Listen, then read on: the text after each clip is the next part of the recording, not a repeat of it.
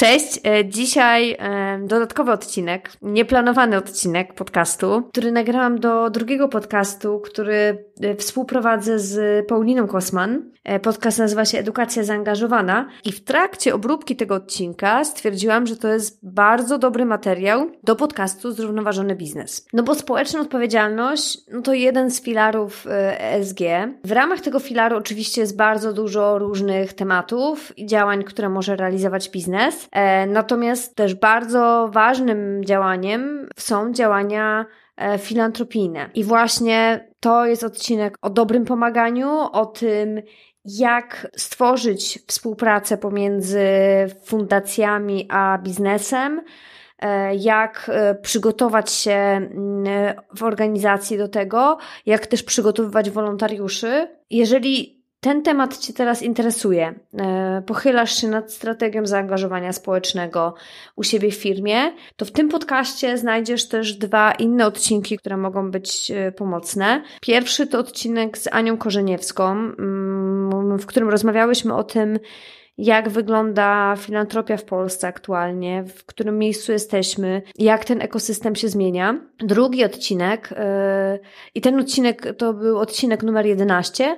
z kolei drugi odcinek, który też może okazać się pomocny dla Ciebie, to odcinek numer 18 yy, z Kamilą Szarejko, yy, w którym rozmawiamy o fundacjach korporacyjnych, czyli w przypadku, gdy firma decyduje się na to, że powołuje podmiot, który stricte zajmuje się działaniami filantropijnymi. W tym miejscu chciałabym podziękować też moim patronkom i patronom, e, którzy wspierają podcast. I jeżeli ty cenisz ten podcast, e, no to możesz też go wesprzeć na Patronite e, dowolną kwotą, przez dowolny czas. Może też to być jednorazowa wpłata. No a teraz już bez, bez zbędnego gadania zapraszam Was do wysłuchania odcinka.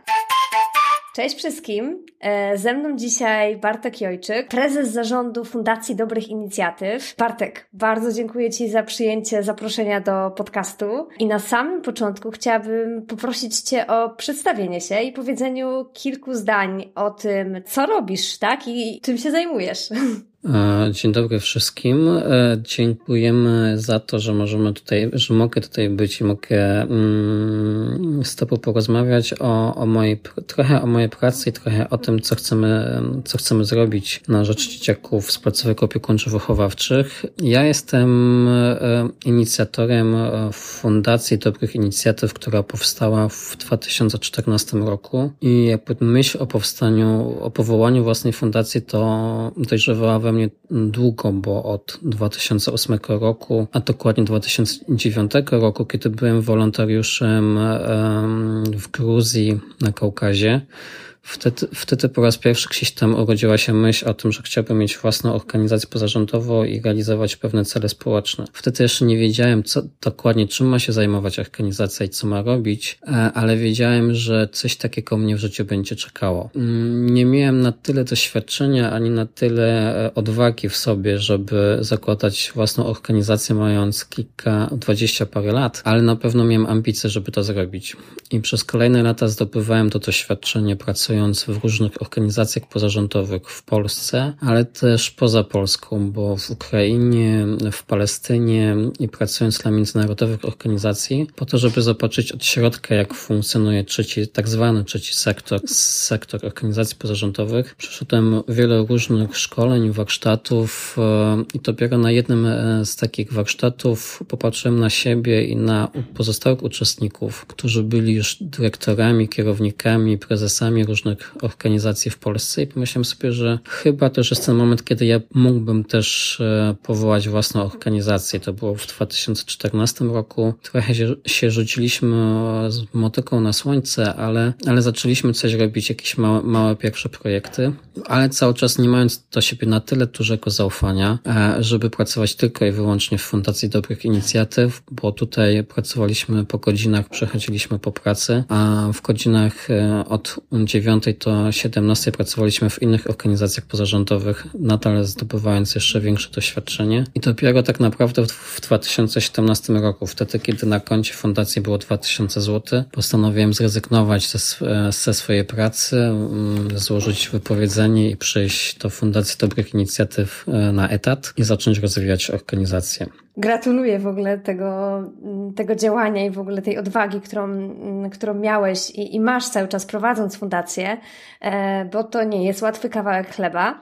E, no właśnie, jesteś, e, zawodowo zajmujesz się pomaganiem. No i właśnie o pomaganiu chcemy dzisiaj tu rozmawiać, bo pomaganie ma potencjał, może być niesamowitym krokiem rozwojowym w życiu każdego człowieka, zarówno młodego, jak i starszego. Badania pokazują, że poprzez zaangażowanie w różnego typu wolontariaty, projekty społeczne czy aktywizm wzmacniamy naszą empatię, poczucie sprawstwa, rozwijamy kluczowe kompetencje, kluczowe i w życiu, i w pracy, chociażby takie jak praca zespołowa, komunikacja, rozwiązywanie problemów, e, czy kompetencje takie e, proinnowacyjne, kreatywność. No ale, żeby się w tym rozwijać, w, żeby rozwijać się w pomaganiu, e, trzeba to zdecydowanie robić mądrze. I właśnie o tym, o tej mądrości w pomaganiu będziemy dzisiaj rozmawiać, bo jak ty na pewno wiesz bardzo dobrze, ja też wiem jako człowiek, który trochę też lat spędził w tym obszarze e, właśnie pomocy rozwojowej, nie wystarczy tylko wrzucić się w wir pomagania i nie zadzieją się cuda. To jest e, proces, który warto w przemyślany sposób poprowadzić. No właśnie, i w Waszej fundacji, w Fundacji Dobrych Inicjatyw, e, no robicie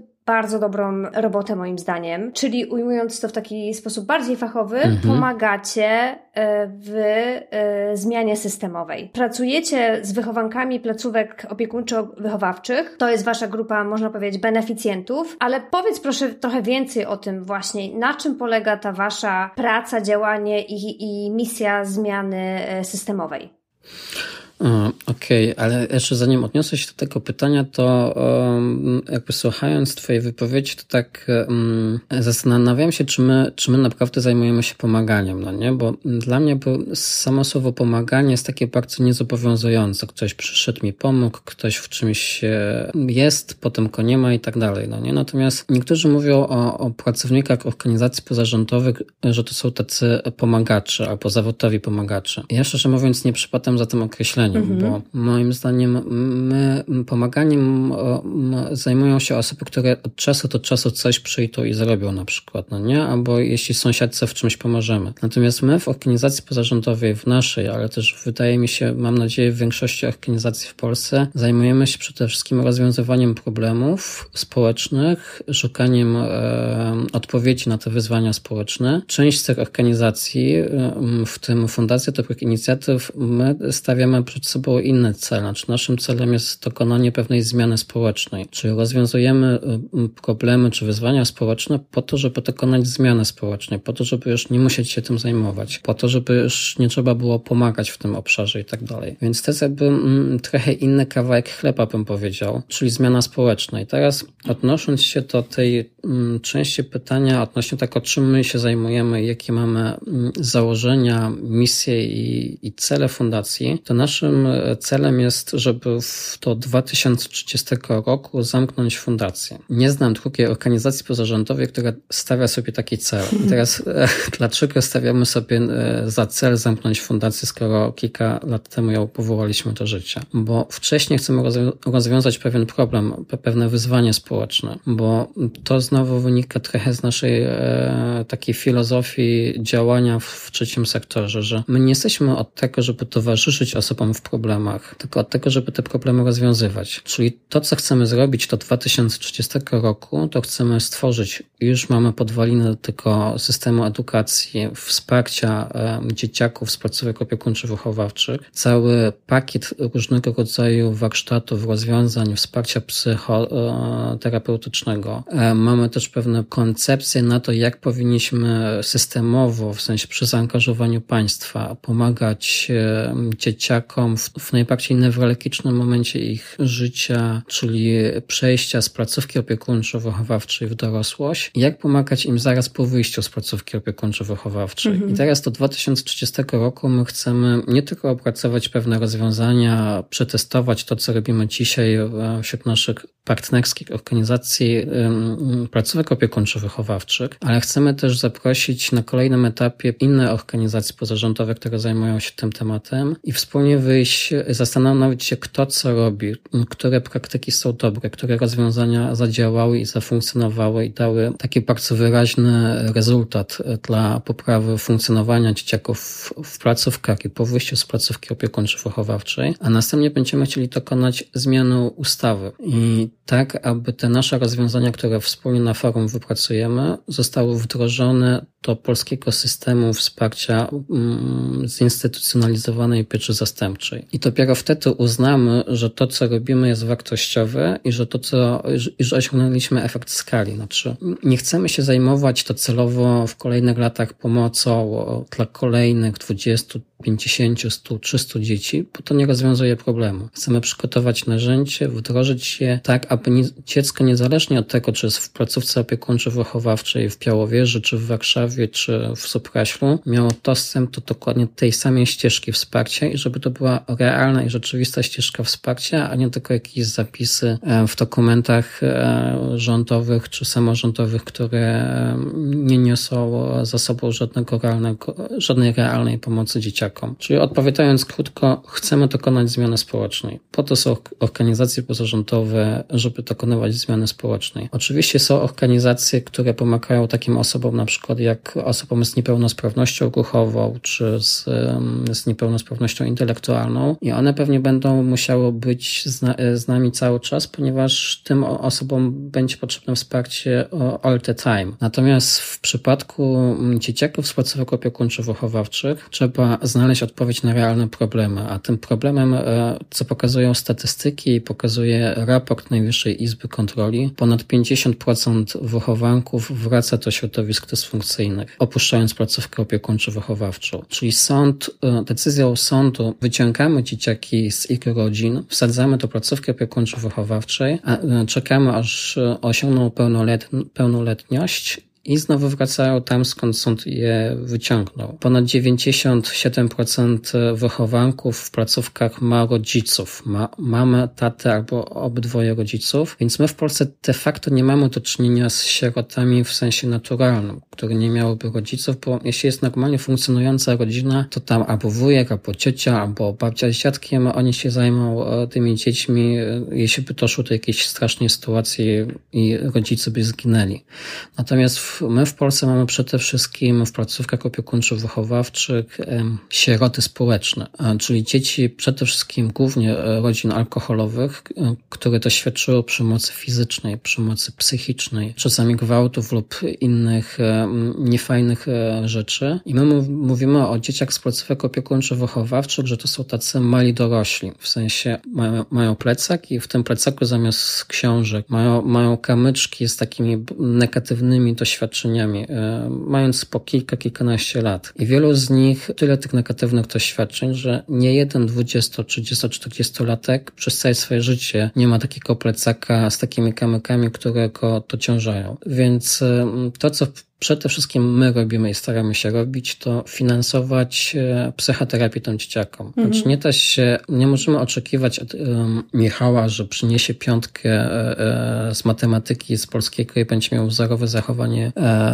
na świadectwie, jeśli on codziennie w głowie musi brać udział w batalii mm, odnośnie swoich wcześniejszych doświadczeń mhm. i, i pewnych rzeczy, które ma nieprzerobione i nieprzepracowane. Więc to jest pierwsza rzecz. Kolejna rzecz, mm, placówki opiekuńczo-wychowawcze. Tak brzmi oficjalna nazwa domów dziecka, tak zwanych. I w Polsce nie ma placówek opiekuńczo-wychowawczych. Są placówki opiekuńcze. Tam nie ma czasu na taki proces zwany e, wychowaniem, bo jeśli masz 14 dzieciaków z takimi doświadczeniami, które przed chwilą opisałem, jesteś, jest jeden wychowawca czy dwóch na zmianie w ciągu dnia, to te dzieci mogą otrzymać e, ciepły posiłek, e, przypilnować, żeby odrobiły zajęcia, jeśli, jeśli jest na to czas, położyć spać, e, przyodziać i pójść do lekarza, jeśli trzeba.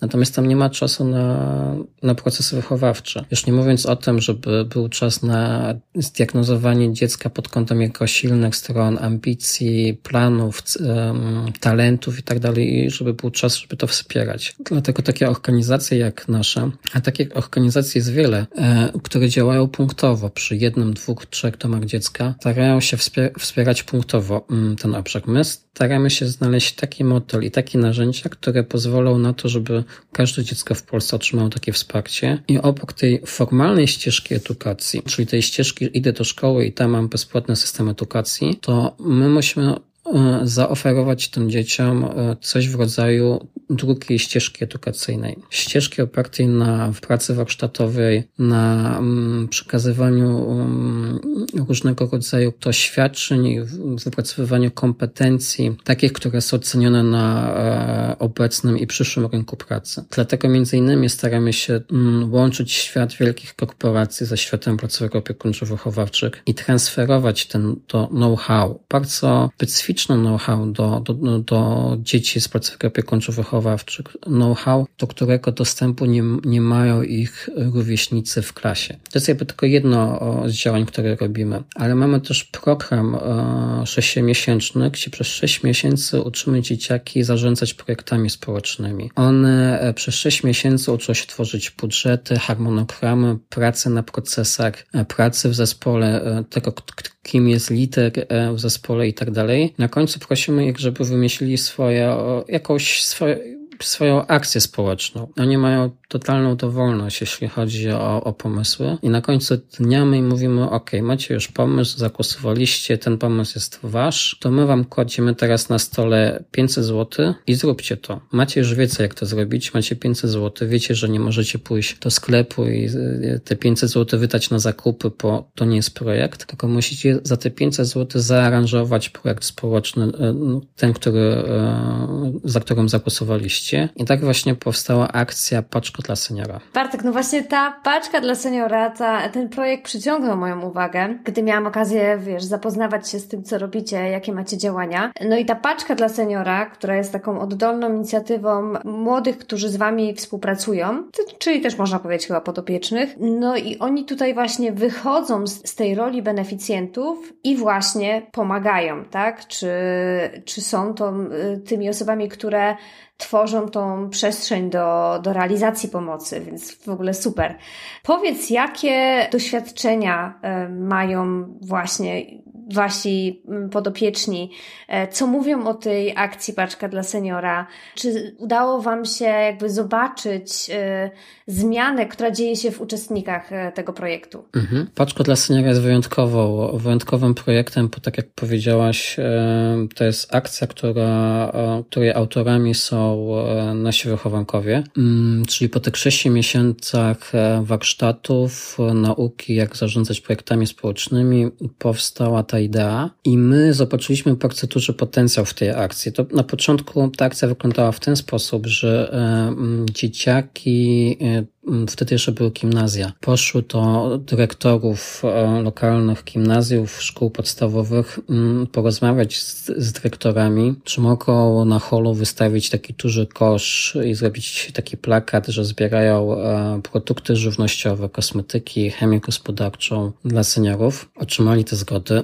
za, za, zaprosili swoich rówieśników w klasie do tej akcji i zebrali mm, kilkadziesiąt kilogramów tych darów, a następnie poszli do lokalnego sklepu, zabrali jakieś stare mm, kartony i w te stare kartony popakowali te produkty, a w międzyczasie musieli zdiagnozować, zmapować lokalną społeczność pod kątem osób starszych i samotnych, bo postawili sobie za zadanie, że właśnie do takich osób chcą, żeby te paczki dotarły. Więc to ich mapowanie tej lokalnej społeczności wyglądało tak, że na tej ulicy obok mieszka taka starsza pani, to może tam by tą paczkę e, moglibyśmy zanieść, no nie?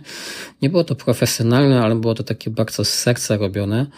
E, wśród tych e, seniorów znalazła się też babcia jednej z wychowanek. No i potem jak spakowali te paczki, zrobili jeszcze dla urki, bo to był okres Wielkanocy, to razem z wychowawcą zapukali to drzwi tych seniorów i im te paczki przynieśli. No i teraz senior to jest e, taka osoba, która już nie musi udawać. Jeśli, jeśli senior chce płakać, to płacze, jeśli chce się śmiać, to się śmieje, jeśli chce przytulić, to przytula i, i całuje w czoło. I tak mniej więcej było z tą pierwszą edycją paczki dla seniora, kiedy dzieciaki, i to, i to było wspaniałe, to, że dzieciaki mogły od razu zobaczyć feedback swojej mhm. pracy, że od razu doświadczyły tego, czym jest ta paczka dla tej drugiej strony. I to, co było w paczce, to jest jedna rzecz. Natomiast to, że przyszła paczka młodych ludzi, 5, 6, 7 osób e, e, do tego mieszkania, do tego domu, w którym e, wieje samotność i niezbyt ciekawe warunki życia, no to to było takim,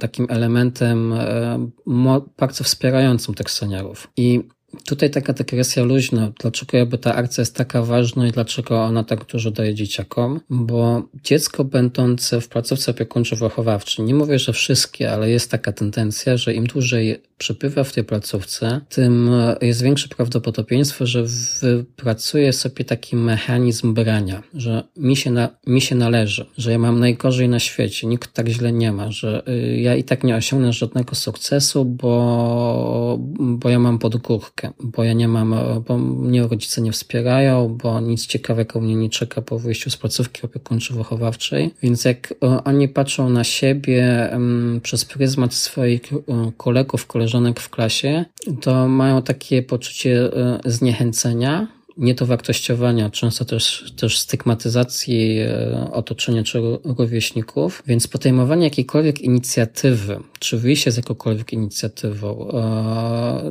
nie jest standardem. A paczka dla seniora i ten nasz program Junior Project Manager It's Me, gdzie uczyliśmy, uczymy dzieciaki zarządzać projektami, to jest ja to nazywam przywracanie dzieciaków z placówek opiekuńczo-wychowawczych lokalnej społeczności. My tymi akcjami przywracamy, przywracamy je na łono lokalnej społeczności, bo my pokazujemy tej lokalnej społeczności, one pokazują, że e, mają coś ciekawego do powiedzenia, że wiedzą, jak zrobić fajną rzecz dla kogoś innego i że ten model, gdzie oni są cały czas w roli beneficjenta z tą wyciągniętą ręką, e, zamieniają się rolami. To oni oni dzisiaj są tymi, którzy pomagają, mogą też zobaczyć, jak wygląda życie poza placówką, że to wcale nie jest tak, nie musi być tak, że to oni mają najgorzej na świecie i że są inne osoby potrzebujące wokół nich, którym oni sami mogą pomóc. Więc ta akcja po pierwsze um, uczy patrzenia na świat takim czułym, czułym okiem. E, nie, po, nie powiem, że ona uczy empatii, bo empatii nie da się nauczyć, ale e, na pewno pokazuje im, e, czym może być pomoc dla drugiego człowieka i czym oni sami mogą być dla, dla drugiego człowieka. To też jest taka formuła bardzo mocno wzmacniająca samoocenę, no bo ty widzisz, że to ty pomogłeś, ty pomogłaś, ty, ty zadziałałaś. No nie? Też oczywiście lokalne media się zainteresowały tą akcją dzisiaj, więc udzielanie wywiadów e, i takie różnego rodzaju duma, która ich rozpiera za to, że, że oni to zrobili. My zobaczyliśmy bardzo duży potencjał w tej akcji. Mamy, w zależności jak liczyć, 16-20 e, parę placówek opiekuńczo-wychowawczych w Polsce, które wspieramy.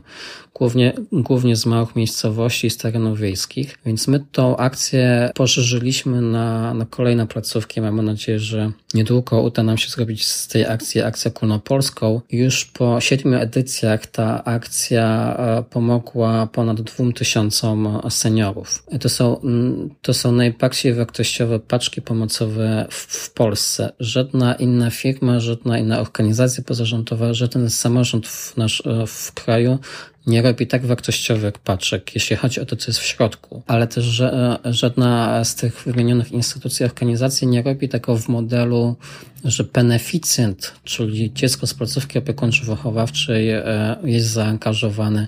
Dzisiaj już nie w całą akcję, bo ona się bardzo mocno rozrosła. Dzisiaj są zaangażowane na pewnych etapach tej akcji. Niemniej tego to jest akcja, która wyrosła w domu dziecka, to jest akcja, której autorami są dzieci z placówek opiekuńczo-wychowawczych i to jest akcja, która przywraca dzieciaki na łono lokalnej społeczności. Mhm, totalnie. E, Bartek, ja liczę na to, że ta akcja jeszcze się rozrośnie i, e, i będzie dalej rozwijać, ale też, że kolejni uczestnicy tego waszego projektu Junior e, Project Managera wyjdą z kolejnymi fajnymi projektami i będziecie, które też będziecie mogli rozwinąć i skalować dalej. Na to liczę. Teraz chciałabym Cię zapytać o to, o czym już, o czym już wspomniałeś. Współpracujecie z firmami, y, z pracownikami firm w ramach y, wolontariatu pracowniczego i to jest bardzo ostatnio popularny temat. Korporacje badają, y, badając zaangażowanie pracowników, widzą, że to, że ich pracownicy mogą pomóc, że stwarzają tę platformę do pomocy, e, no zwiększa właśnie ich zaangażowanie, zwiększa retencję, e, też zwiększa atrakcyjność pracodawcy. Potwierdzają to badania naukowe, mm, więc temat jest, e, jest ważny i, i wiele firm rzeczywiście w tę stronę idzie. I Pewnie można było tu, można byłoby tu spojrzeć na, na ten temat właśnie wolontariatu pracowniczego z różnych perspektyw. I z Waszej perspektywy jako NGO-sa, jako, jakie macie oczekiwania, czego potrzebujecie w ramach tej współpracy? E, i z perspektywy biznesu, no i z perspektywy samego wolontariusza, który przychodzi z firmy. Ale nie mamy na to tyle czasu, więc e, chciałabym Cię poprosić, żebyś e, z Twojej perspektywy, człowieka, który stwarza tę platformę mm, współpracy, powiedział właśnie, jak e, ten dobry wolontariat pracowniczy stworzyć. Mhm. Znaczy faktycznie jest tak, że my jako Fundacja Dobrych Inicjatyw działamy głównie w oparciu o współpracę z biznesem. Jednym z komponentów to jest właśnie wolontariat pracowniczy i on może przybierać różne formy. Bo to może być wolontariat pracowniczy fizyczny, czyli na przykład wolontariusze są zaangażowani w remont placówki albo w, w jakieś inne fizyczne rzeczy, które ma też takie charakter bardzo integracyjny dla, e, dla pracowników, ale też to jest możliwość takiego przecięcia się na linii wolontariusz beneficjent w bardzo takim bezpiecznej formule, bo tutaj nie ma nauczyciela, nie ma ucznia, wszyscy jesteśmy równi, dzieciaki piorą, piorą do ręki pędzle, wolontariusze piorą pędzli, wspólnie coś robimy, potem e, e, wspólna kolacja, mecz piłki nożnej i tak dalej. I to jest takie bardzo łagodne wejście wolontariusza w świat placówki opiekuńczo-wychowawczej. I to jest jedna formuła wolontariatu, ale jest jeszcze kolejna formuła, tak zwany wolontariat kompetencji, czyli wykorzystanie potencjału, wiedzy i umiejętności wolontariusza na rzecz beneficjenta. W tym przypadku naszych wychowanków z placówek opiekuńczo-wychowawczych. Więc po pierwsze taka ogólna dygresja, że ten wolontariat pracowniczy faktycznie, tak jak mówisz, on się w Polsce staje coraz bardziej popularny. Popularność wyprzedza wiedzę. W sensie wiele firm jeszcze nie, jeszcze nie wie, jak robić e, wolontariat. My też jako organizacja pozarządowa, myślę, że nie tylko my, ale wiele innych, które działają e, też w tej formule, my etykujemy rynek etykujemy biznes, zarówno ten wielkie międzynarodowe korporacje, które wydawałoby się mają czy powinny mieć wypracowane standardy e, takiego wolontariatu, jak i ten nieco średni czy mniejszy biznes. Myślę, że jeszcze wiele lat przed nami, żeby, żebyśmy mogli tak z dumą powiedzieć, że e, w Polsce wolontariat pracowniczy robi się z klasą. Moglibyśmy napisać niejedną książkę na ten temat. Natomiast to, co jest bardzo ważne w wolontariacie pracowniczym po stronie organizacji pozarządowej, to to, że my nie jesteśmy agencją. Nie jesteśmy agencją PR-ową i my nie robimy eventu dla firmy, Często niestety firmy mają takie podejście, że one tutaj chcą coś zrobić, ale tak naprawdę to nie beneficjent jest najważniejszy, tylko wolontariusze i to, żeby fajne zdjęcia były. Więc, więc to jest jakby pierwsza przeszkoda na samym początku rozmowy. Zmiana nazewnictwa. My nie jesteśmy agencją, tylko organizacją pozarządową. To nie jest event i realizacja, tylko akcja wolontariatu. E, I po drugiej stronie są beneficjenci i dla nas jako organizacji pozarządowej oni zawsze będą najważniejsi. Więc e, mamy na przykład czasami takie mm, zgłoszenia od firm, że mm, chciałyby zrobić jakiś event, mają 200 pracowników i jeden dzień akcji i zróbmy coś. Nie da się zrobić niczego pożytecznego w placówce opiekuńczo-wychowawczej, która ma 14 dzieci e, z taką ilością wolontariuszy. Mm, można taką akcję na tyle osób, można zrobić, nie wiem, sprzątanie świata na przykład, no nie? E, to jest jedna rzecz. Druga rzecz, to co my się staramy zawsze robić przed jakimkolwiek wolontariatem, to przygotować wolontariuszy do spotkania z beneficjentem. Znaczy my nie pozwalamy sobie na to, żeby doszło do kontaktu wolontariusz i wychowanek, jeśli wcześniej nie przygotujemy wolontariusza do tego. Czyli jeśli to jest wolontariat kompetencji i wolontariusz zamienia się w trenera, to my wcześniej musimy go przygotować do roli trenera. Nawet jeśli on pracuje 20 lat w dziale HR i wie, jak prowadzić warsztaty, mm, workshopy i tak dalej, to my i tak musimy go przerzucić przez nasz młyn e, edukacyjny i, my, i musimy opowiedzieć mu o tym, jak rozmawiać z tym tym człowiekiem. Czym jest edukacja warsztatowa, że musimy zapomnieć o jakichkolwiek prezentacjach w PowerPoincie, o seminarium, o roli nauczyciel, uczeń i tak dalej, tylko że on towarzyszy dzieciakom i on wspólnie z dzieciakami wytwarza e, pewną wiedzę i pewien know-how pod jego opieką. Natomiast tutaj nikt nie ma takiej sytuacji, że jest nauczyciel i jest uczeń. Dzieciaki to mają w szkole, one nie potrzebują takich wolontariatów. Więc kolejna rzecz, która jest ważna z punktu widzenia wolontariatu, to przygotowanie wolontariusza. My też staramy się badać, mm, jak te wolontariaty są realizowane przez nas, czyli każdy wolontariusz po akcji wolontariatu dostaje e, ankietę, gdzie pytamy go o to, czy on czuł, czy już po zrealizowanej akcji, czy w wolontariacie kompetencji, czuł, że był zaopiekowany przez fundację, czuł, że e, był dobrze przygotowany, czy coś go zaskoczyło w kontakcie z młodym człowiekiem, czy chciał kontynuować e, to, e, te działania. No i najważniejsze pytanie, pytanie z, z mojego punktu widzenia, czyli czy poleciłby tą akcję swojemu najlepszemu przyjacielowi czy przyjaciółce, no nie? Bo jeśli odpo odpowiedź jest tak, to znaczy, że dobrze zrealizowaliśmy nasze zadanie. Mhm. I teraz jeszcze taki ważny element przy tym wolontariacie kompetencji. E, w związku z tym, że my musimy jako organizacja przygotować wolontariuszy e, do, do bycia wolontariuszem, to dla nas ważne jest to, żeby był pewien mechanizm cykliczności. To znaczy, że my nie przygotowujemy go tylko do jednego spotkania, tylko że on będzie w stanie się zaangażować na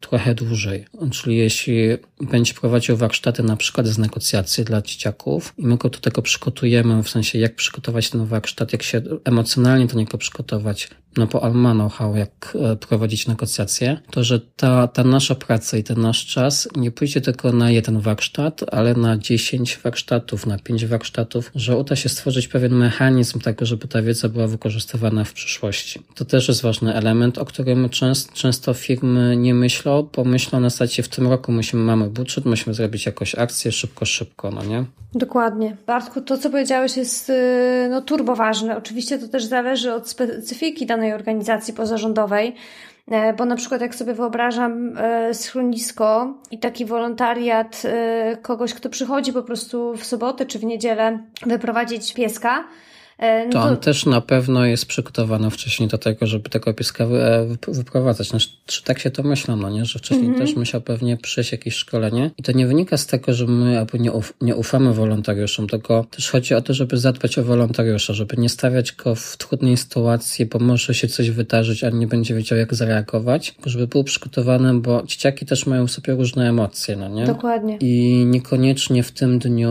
o, ktoś z wychowanków Mieliśmy kiedyś taką sytuację, że jechaliśmy na akcję wolontariatu do placówki i tam messengerem dostaliśmy informację od wychowawczyni, że mm, jedna dziewczynka jest w nie najlepszym stanie, bo przed chwilą zobaczyła, jak jej mama e, wrzuciła na Facebooka post e, ze zdjęciem sukni ślubnej i z informacją, że będzie niedługo e, po raz kolejny wychodziła za mąż i że jest w ciąży. No I teraz wyobraź sobie, że masz wśród swoich uczestników warsztatów osobę, która właśnie pięć minut temu czegoś takiego doświadczyła. No i trzeba wiedzieć, jak się zachować w takiej sytuacji sytuacji, no nie? Czy, bo no jest wiele różnych sytuacji, które się mogą wydarzyć, chociażby taka jak ta, i wolontariusz musi być do tego przygotowany. Dokładnie. Ja, ja sama mam doświadczenie y, pracy projektu z wychowankami placówek opiekuńczo-wychowawczych e, i dokładnie wiem, o czym mówisz. W sensie znajomość specyfiki też tego doświadczenia i tego, co, co też jakby taki powiedzmy zasady tego, co mówić, czego nie mówić, to też jest ważny element tego, żeby mhm. jakby wejść w, w tę interakcję. To jest jeden z, z, naszych modułów szkoleniowych, czyli takie savoir-vivre w podejściu do wychowanków placówek opiekuńczo-wychowawczych. Mhm. Dokładnie tak. No właśnie, i wyobrażam sobie, tak jak powiedziałeś, rzeczywiście, jeżeli idziemy do schroniska chociażby, tak, wyprowadzić jeden raz tego pieska, to i tak musimy wiedzieć, E, bo na przykład nie mamy doświadczenia z psem, e, co robić, na czym tak, nawet krótkie szkolenie jaki jest ten piesek, na co możemy sobie pozwolić, na co nie. Więc taką pierwszą, można powiedzieć, radą, o, które, o dalsze rady jeszcze Cię będę chciała zapytać zaraz, ale taką pierwszą radą, którą ja już teraz tutaj widzę, tego co mówisz, jak przygotować się do takiej pomocy, jest to, żeby e, no, zdobyć tą wiedzę o tym obszarze, w którym chcemy pomagać, chcemy się zaangażować, to będzie na pewno bardzo ważne. E, no właśnie, teraz chciałabym Cię zapytać właśnie o to, jak pomagać, żeby w pewnym sensie się rozwijać, chociaż to nie powinien być, znaczy to powinien być drugi cel po tym, żeby altruistycznie pomagać. Rozwijanie się powinno być takim dodatkowym celem, ale jak pomagać, żeby właśnie się w tym rozwijać, żeby robić to coraz lepiej i jednocześnie się nie wypalić, bo też to się zdarza w, w e, można powiedzieć, w tym obszarze e, pomocowym. No i jak dobrze pomagać, żeby e, nie popełnić błędu, który też się zdarza ostatnio też jakby w tej sytuacji inwazji Rosji na Ukrainę mieliśmy dużo takich przykładów takiej pomocy, która nie zawsze była tą dobrą pomocą. Mhm, mhm.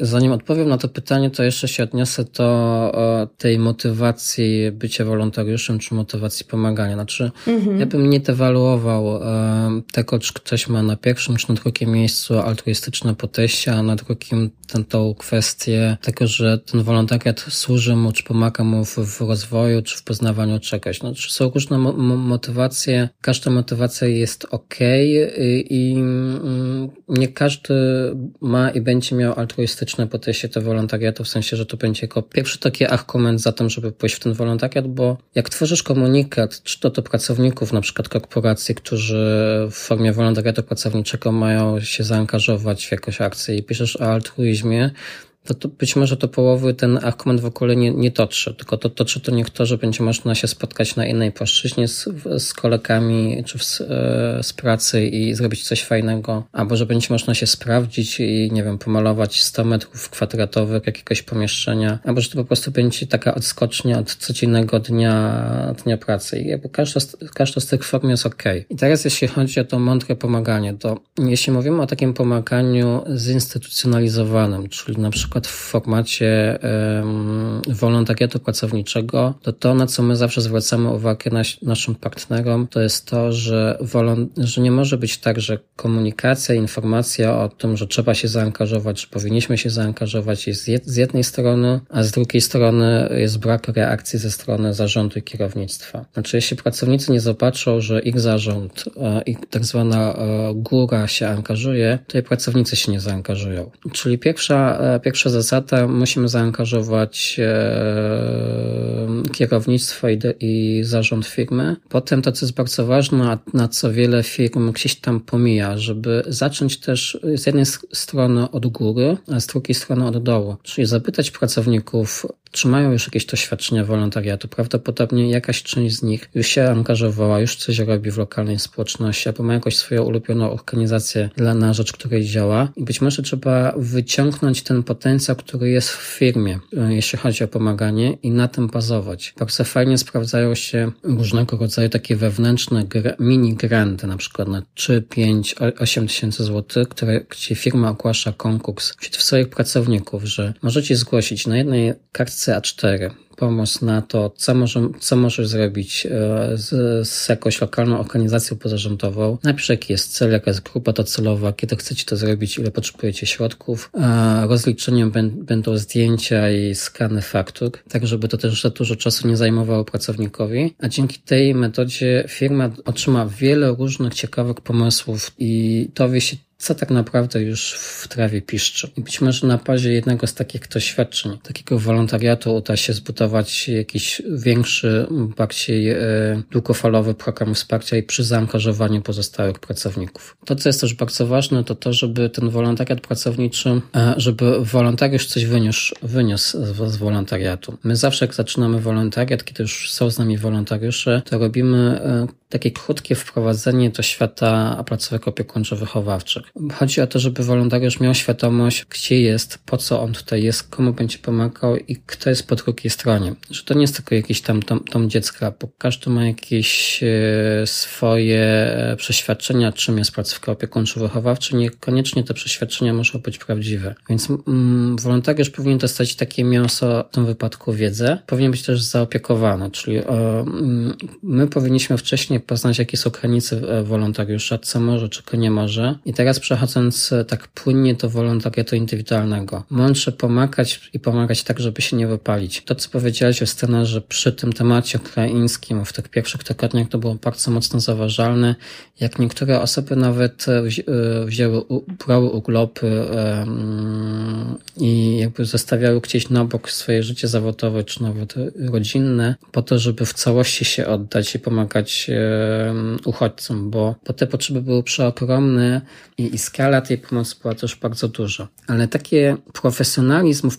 w pomaganiu polega na tym, ja się też tego cały czas uczę, że na poziomie emocjonalnym trzeba się odciąć. To nie jest łatwe, nie? Bo z jednej strony po drugiej masz takich beneficjentów, w naszym przypadku dzieciaki z placówek opiekuńczo-wychowawczych. E, widzisz, e, wiesz co ich spotkało, wiesz jak plus minus rysuje się przed nimi przyszłość, i, a z drugiej strony widzisz ten potencjał, który tam jest i wiesz, że jeśli nie zadziałasz, to niewiele się tam dobrego wydarzy. No ale trzeba, trzeba umieć to od, od, oddzielać, e, bo tylko w ten sposób możemy profesjonalnie myśleć o pomaganiu. I teraz wolontariuszowi, który rzuca się na wielką wodę, e, na przykład tą wielką wodą e, była fala uchodźców końcem lutego, w marcu, w kwietniu, to te osoby bardzo szybko się wypaliły. E, z jednej strony silna presja, że ja muszę coś zrobić, że ja muszę zadziałać, że ja powinienem być na tym dworcu zachodnim, że mnie tam nie było, że przecież znowu piszą na Facebooku czy na grupach messengerowych, że brak rąk do pracy. Trzeba sobie dać pozwolenie na to, żeby odpuszczać. Znaczy, my nie jesteśmy od tego, żeby mhm. zbawić mhm. cały świat i nikt tego nie zbawimy. Więc e, po pierwsze e, trzeba liczyć się na zamiary i, i myśleć o, o sobie i pozwolić sobie na to, żeby w, w przypadku na przykład, e, gdy mieliśmy do czynienia z falą uchodźców, wyłączyć telewizor, wyłączyć dostęp do social mediów, e, wziąć książkę, położyć się na łóżko i cały dzień przeleżeć z tą książką chociażby. Znaczy zadbać o siebie, no nie? Dla każdego słowa zadbać o siebie to stwierdzenie będzie oznaczało co innego, ale pozwolić i dać sobie pozwolenie na to, że ja tam nie muszę być mhm. i że ja tego nie muszę robić. Tutaj y, teraz oczywiście o wolontariuszach, bo inne podejście powinny mieć instytucje państwowe, y, niestety miały inne, ale to, to wszyscy wiemy, jak to wygląda, jak wyglądała ta, ta pomoc państwa polskiego na rzecz uchodźców. Gdyby nie e, miliony osób i ich zaangażowanie, to mielibyśmy do czynienia z kryzysem, z kryzysem uchodźców. E, mieliśmy falę uchodźców, ale nie mieliśmy kryzysu. E, I to też warto o tym pamiętać.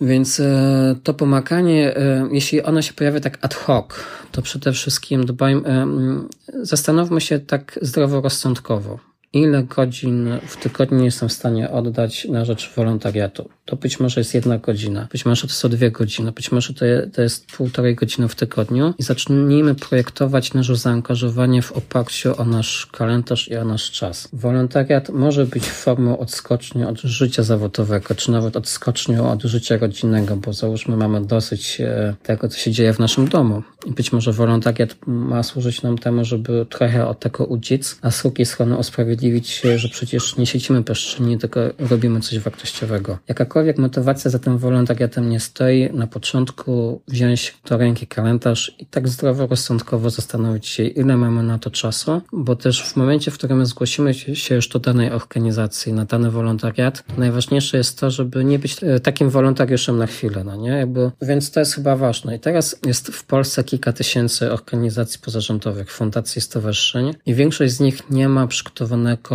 takiego programu wdrażania wolontariusza. I to nie, nie wynika z tego, że um, organizacje pozarządowe nie chcą tego robić, e, tylko z wielu innych powodów i tu, tutaj potrzebowalibyśmy osobną audycję na ten temat, ale generalnie na pewno tam, gdzie powinna nam się zaświecić czerwona lampka, to w momencie, w której organizacja nie ma żadnego pomysłu, ani żadnego planu przygotowania mnie jako wolontariusza do pomocy. E, czyli to, czym mówiłem w przypadku na przykład wolontariatu kompetencji. Jeśli oni, jeśli organizacja nie pomyślała o tym, że trzeba wdrożyć wolontariusza w świat wolontariatu, to może lepiej się tam nie pchać. Lepiej sobie odpuścić i szukać innej organizacji, która podejdzie do tego w, w sposób bardziej profesjonalny.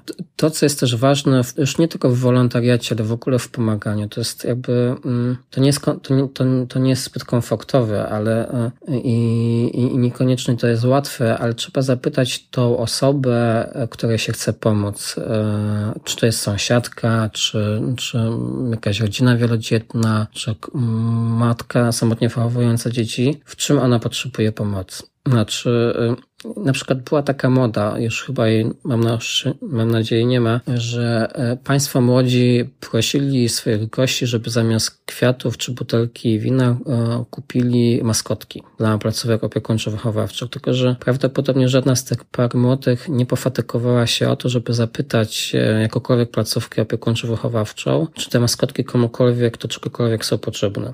W każdym domu dziecka jest takie specjalne pomieszczenie, że jak się otworzy drzwi, to wylatują nikomu niepotrzebne e, maskotki. Więc pierwsze i najważniejsze rzeczy, jeśli chcemy mądrze pomagać, zapytajmy o to, jakie są potrzeby. Do momentu, w którym my nie wiemy, jakie są potrzeby, tylko kierujemy się takim naszym własnym wyobrażeniem, że pewnie to, pewnie to, pewnie tamto, no to być może cała nasza e, energia i ta para, która poszła w tą pomoc, e, czy zebranie jakichś środków, czy jakichś rzeczy, czy załatwienia czegoś, okaże się niepotrzebna, a beneficjenci bardzo często boją się odmawiać. I to jest My na przykład jako fundacja mamy już tak wypracowaną ścieżkę relacji z naszymi placówkami, że mówimy sobie szczerze i szczerze rozmawiamy, ale doskonale wiemy, że nawet te placówki, kiedy przychodzi jakiś nowy sponsor, czy wolontariusz, czy partner, który chce coś zrobić i ma już jakiś pomysł, bo sobie wymyślił gdzieś tam w biurze na, na, na 20 piętrze e, jakiegoś biurowca w Warszawie, co oni fajnego mogą zrobić, a wcześniej nie zapytał, to często te placówki, te, te osoby potrzebujące Y, boją się odmówić, mhm. bo myślą sobie, że jeśli odmówią tej pomocy, bo powiedzą, że one tego nie potrzebują, to ten wolontariusz czy ten tarczyńca pomyśli sobie, że pewnie on ma za dużo, że pewnie mu się za to przepowodzi, że może mu się w głowie poprzewracało od, od, od, od pomocy od innych, więc często jest tak, że te organizacje pomocowe, e, czy to fundacje, czy domy dziecka, czy szpitale, czy domy samotnej matki, czy po prostu osoby indywidualne zgadzają się, przyjmują tą pomoc i chowają ją gdzieś na samym końcu jakiegoś jakiegoś magazynu, do którego nie zagląda się przez najbliższe 5-10 lat. I, I, mogę już sypać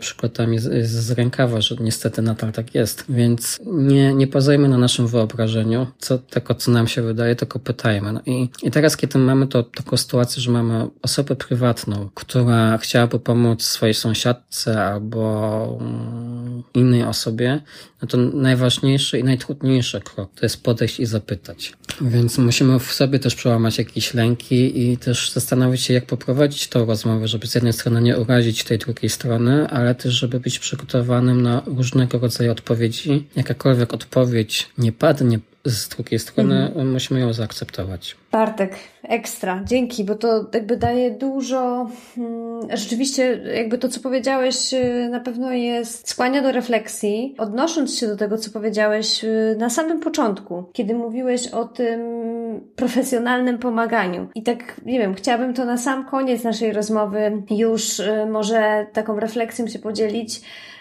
no ja sama realizowałam przez 9 miesięcy projekt w, e, w Tanzanii, e, pomocowy, tak zwany. Natomiast nigdy na siebie nie patrzyłam jako na kogoś, kto pomaga w pewien sposób taki z tego poziomu ego, że ja przyjeżdżam do tej Afryki, ja wiem lepiej, ja pomagam. Mm -hmm. Starałam się cały czas w tym procesie, mm, w którym byłam, patrzeć na siebie w, w taki sposób takiego mostu, e, bardziej takiej osoby, która asystuje -hmm. w tym mhm. projekcie, który de facto był projektem właśnie grupy e, tanzańskich pszczelarzy. ja byłam tam tylko, można powiedzieć, taką stroną, tak siebie postrzegałam. Strona, która ma trochę ułatwić ten proces. No i oni tam mieli być, czy byli właśnie z tą, tą elementem sprawczym, tym, który zrealizował te rzeczy, większość e, tych, tych działań. Mhm. I to było dla mnie, znaczy myślę, że transformujące doświadczenie. Ja wtedy też jakby studiowałam kulturoznawstwo e, międzynarodowe, więc ta wrażliwość międzykulturowa była dla mnie ważna.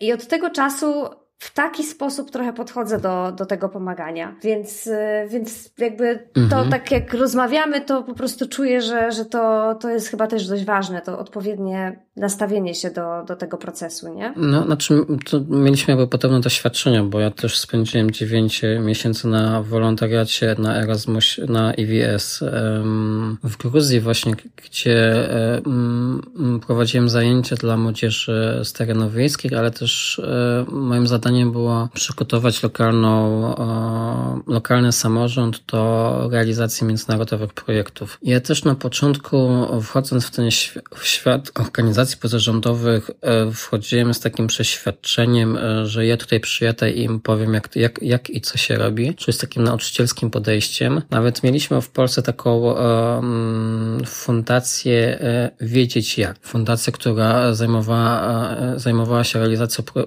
projektów pomocowych międzynarodowych. Oni w którymś mm. momencie zmienili nazwę na Fundację Solidarności Międzynarodowej, podszczekli właśnie um, złowieszczość w nazwie wiedzieć jak, bo wiedzieć jak zakłada, że my wiemy jak wam pomóc, żeby wam się żyło lepiej. E, a to właśnie jest tak, jak mówisz, Justyna, że to tak, tak nie wygląda. No nie? Znaczy, my możemy mieć jakieś przeświadczenie, możemy z tym przeświadczeniem nawet e, zacząć realizację, ale już pierwsze, pierwsze godziny czy pierwsze miesiące e, naszych działań sprowadzają nas na ziemię. Weryfikują.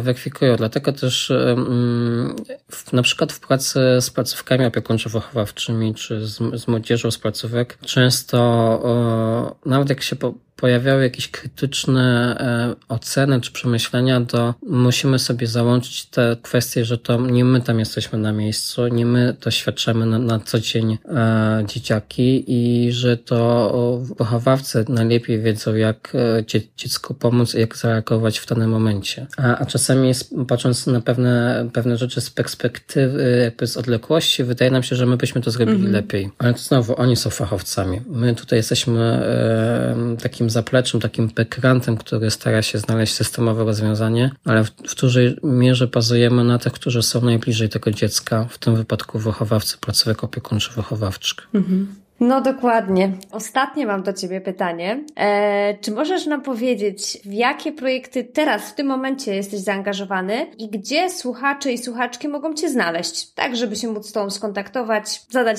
pytanie dotyczące e, tej rozmowy bądź zaangażowania w wolontariat e, Waszej fundacji? A, wiesz co, chyba ostatnio taką najprostszą formą kontaktu wydaje mi się być LinkedIn, więc zapraszam na LinkedIna mojego, mhm. nas, naszej fundacji, ale też mamy stronę internetową, można nas znaleźć na Facebooku i na Instagramie. Natomiast to, co projektu, którego się w tej chwili przygotowujemy, to będzie dla nas, dla mnie jest bardzo ważny też projekt i to będzie duży projekt. To jest, e, chcemy wydać pierwszy w Polsce raport na temat e, sytuacji dzieci, już młodzieży e, z placówek opiekuńczo-wychowawczych, która rok temu, dwa, trzy lata temu opuściła placówki opiekuńczo-wychowawcze.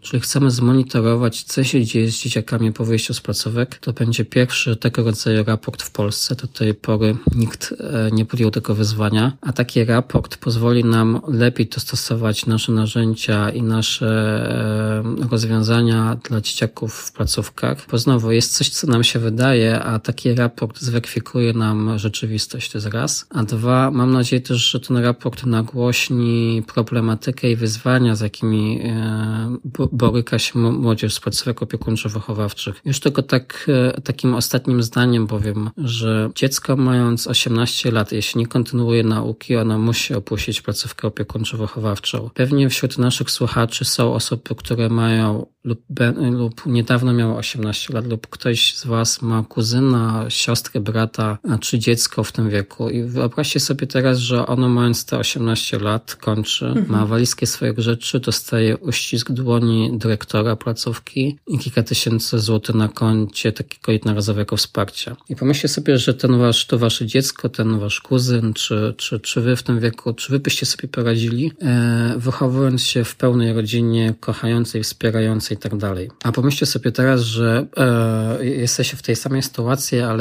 nie macie jak się pójść, nie macie do kogo pójść, mhm. nie macie w, w swoim plecaku wiele, wiele doświadczeń, które was ciągnie w dół. My dzisiaj oczekujemy od dzieci z placówek opiekuńczo-wychowawczych, że sobie poradzą. To jest naiwne myślenie i naiwna wiara. E, I my dzieciaki z placówek opiekuńczo-wychowawczych oszukujemy dwa razy. Pierwszym razem, kiedy lądują w placówce, mówimy im, że wszystko będzie dobrze i w dniu, w, której, w którym opuszczają placówkę, też mówimy im, mhm. że wszystko będzie dobrze. A a to, a to jest nie fair, no nie? Bo to są dzieciaki, które trochę zostały oszukane, znaczy nie oszukane, ale którym no, nikt sobie rodziny nie wybiera. I to jest doświadczenie, które mm, bazuje na całym twoim życiu późniejszym. No i wydawałoby się, że takie dziecko mogłoby oczekiwać od, od nas jako społeczeństwa, ale też od państwa w którym rozdajemy 500 zł za miesiąc osobom, które zarabiają 10 tysięcy, 20 tysięcy. Wydaje, wydaje się, że mo, moglibyśmy oczekiwać, że nasze państwo jest, ma system e, mądrego i efektywnego podkreślam, efektywnego wsparcia dziecka, żeby ono sobie poradziło po wyjściu z placówki, a nie żeby wylądowało jako beneficjent e, systemu opieki społecznej. No i po to jesteśmy, żeby to zmienić. Fajnie, że jesteście naprawdę I to, co powiedziałeś, no nie, nie napawa optymizmem, ale wierzę, że e, wspólnymi siłami takiej współpracy pomiędzy właśnie trzecim sektorem a biznesem, a, a również sektorem publicznym uda się w najbliższym czasie zaadresować e, przynajmniej większość z tych wyzwań, które dotykają młodych ludzi, placówek opiekuńczo-wychowawczych. To ja jeszcze na, to ja jeszcze na zakończenie optymistycznie w tych dzieciakach jest przeogromny potencjał. On tam jest i trzeba go tylko wyciągnąć. No właśnie, też tak, też tak czuję i, i wierzę, że tak właśnie będzie. E, Bartek, bardzo Ci dziękuję za tą rozmowę. E, Dzięki. Za tą świetnie spędzoną godzinę, podczas której wiele mnie nauczyłeś. I, i cóż, e, zapraszam słuchaczy i słuchaczki do kontaktu z, z Bartkiem, do angażowania się w wolontariat i do zadawania pytań przez kanał nasz albo, albo fundacji. Dzięki Justyna i dziękuję wszystkim słuchaczom za to, że byliście z nami. Dziękuję i do usłyszenia.